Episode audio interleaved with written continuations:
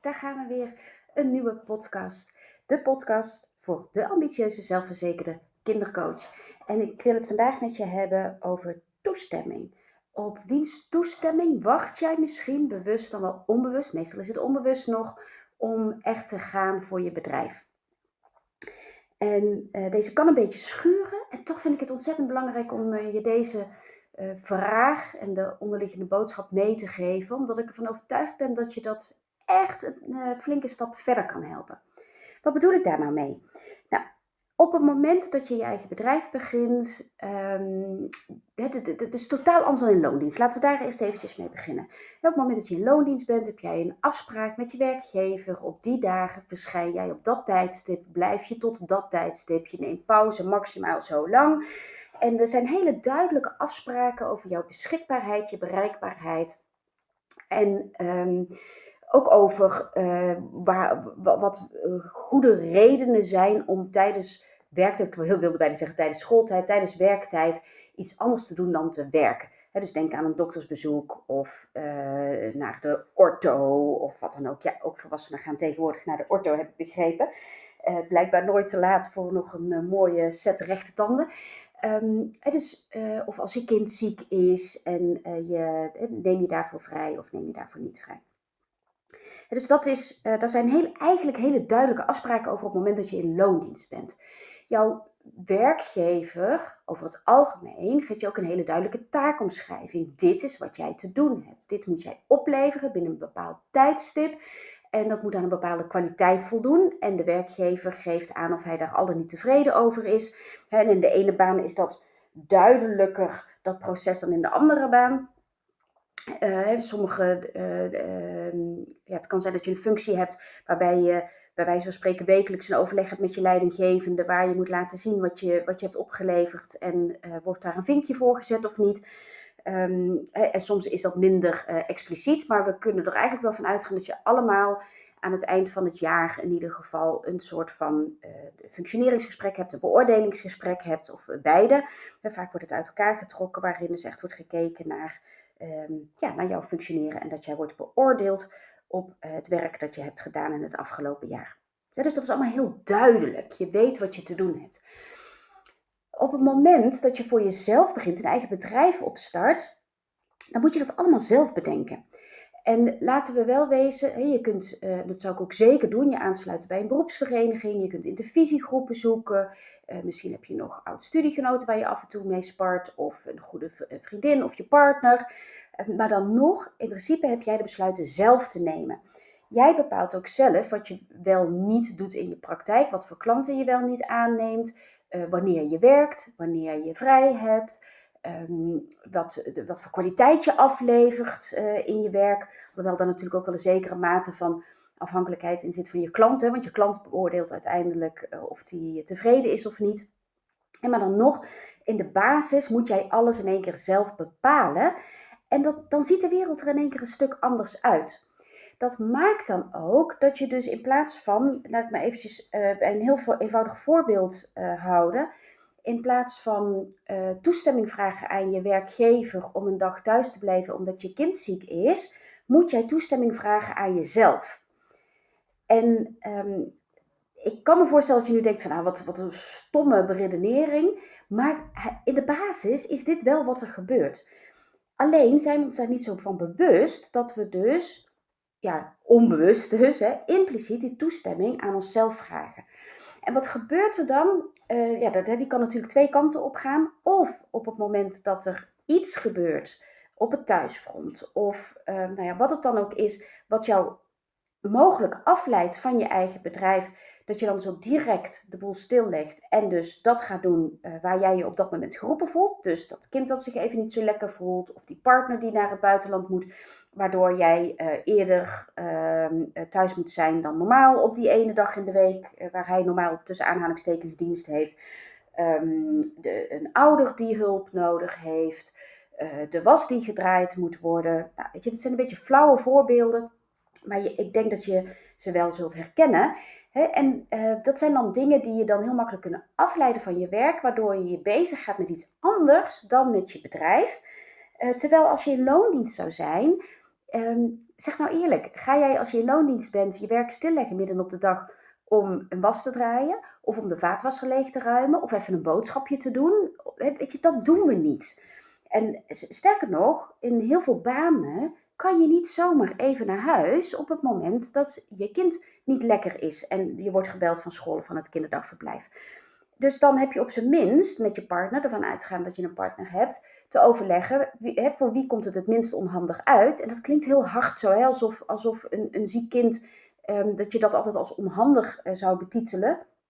Maar laten we die gedachte nou even loslaten. Want ik denk dat jullie uh, echt wel begrijpen dat ik uh, zo hardvoortig niet ben. Hè, maar maar op het moment dat je loondienst bent, dan over het algemeen ga je dan met je partner overleggen van hey, wie, wie, voor wie is het nu het makkelijkste, het minst belastbaar om nu um, naar school te gaan of naar het kinderdagverblijf te gaan om Jantje, Pietje en Marietje op te halen en de rest van de dag met hem of haar thuis te blijven. Op het moment dat je je eigen bedrijf hebt, wat zie ik gebeuren?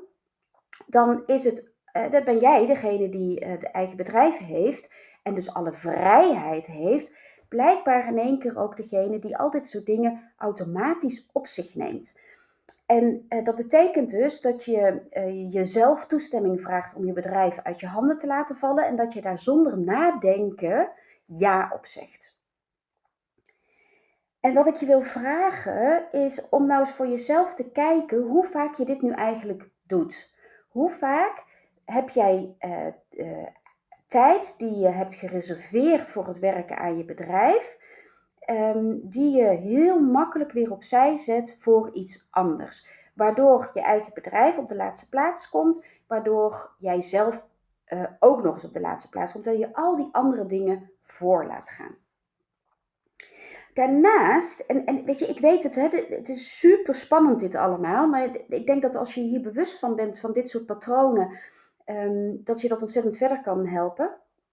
Ik wil zeggen daarnaast, maar ik wil nog eens iets anders zeggen. Het kan natuurlijk ook zijn dat hij de andere kant op valt. Hè? Dat jij juist zo iemand bent die dan uh, zegt van nee, mijn bedrijf gaat voor alles. En uh, dat andere moet, uh, moet wijken. Dat kan ook. Hè? Dus hij kan twee kanten op gaan. Maar wat ik het meeste zie gebeuren, is dat de boel stil wordt gelegd en dat alles eerst gaat en dan pas het bedrijf. Um, Daarnaast is het zo dat. Um, oh, even denken, wat wou, ik nou, uh, wat wou ik nou zeggen? Kijk, dat krijg je dan als je jezelf uh, onderbreekt en je hebt van tevoren geen aantekeningen gemaakt over uh, wat je wil zeggen. Um, ja, als je nu, stel, stel je voor dat jij een workshop of een training gaat geven. Die heb, je, heb je in je agenda gezet. Je hebt daar wat marketingactiviteiten omheen gezet. Misschien heb je flyers gemaakt of posters. Uh, je hebt een paar goede social media posts uh, klaarstaan. Je hebt een brief klaar liggen om naar scholen te sturen of naar BSO's, nou, wat het dan ook is. en, en, en dat ligt allemaal klaar. Um, en je hebt dat, uh, nou, laten we er even van uitgaan dat je het ook bent gaan uitzetten. En die datum van die training of van die workshop nadert en er zijn nog geen aanmeldingen. Um, wat doe je op zo'n moment? En grote kans dat je dan mensen om je heen gaat vragen. En, en ik ben een groot voorstander eh, van altijd met anderen overleggen, met anderen sparren over wat goede stappen zijn. Um, omdat je in je eentje nog alles in kringetjes blijft draaien. Maar wat er vaak gebeurt is dan dat je niet alleen dus met een ander wil sparren over van hé, hey, hoe, hoe zou ik dit nou nog kunnen doen? Wat heb ik misschien laten liggen? Hoe kan ik ervoor zorgen dat er toch nog aanmeldingen komen voor deze workshop of training? En vaak krijgt het zo'n randje van wat zal ik doen? Wat zou jij doen? Zou jij, um, uh, zou jij nog uh, gaan werven? Of zou je hem nu gewoon cancelen, deze workshop?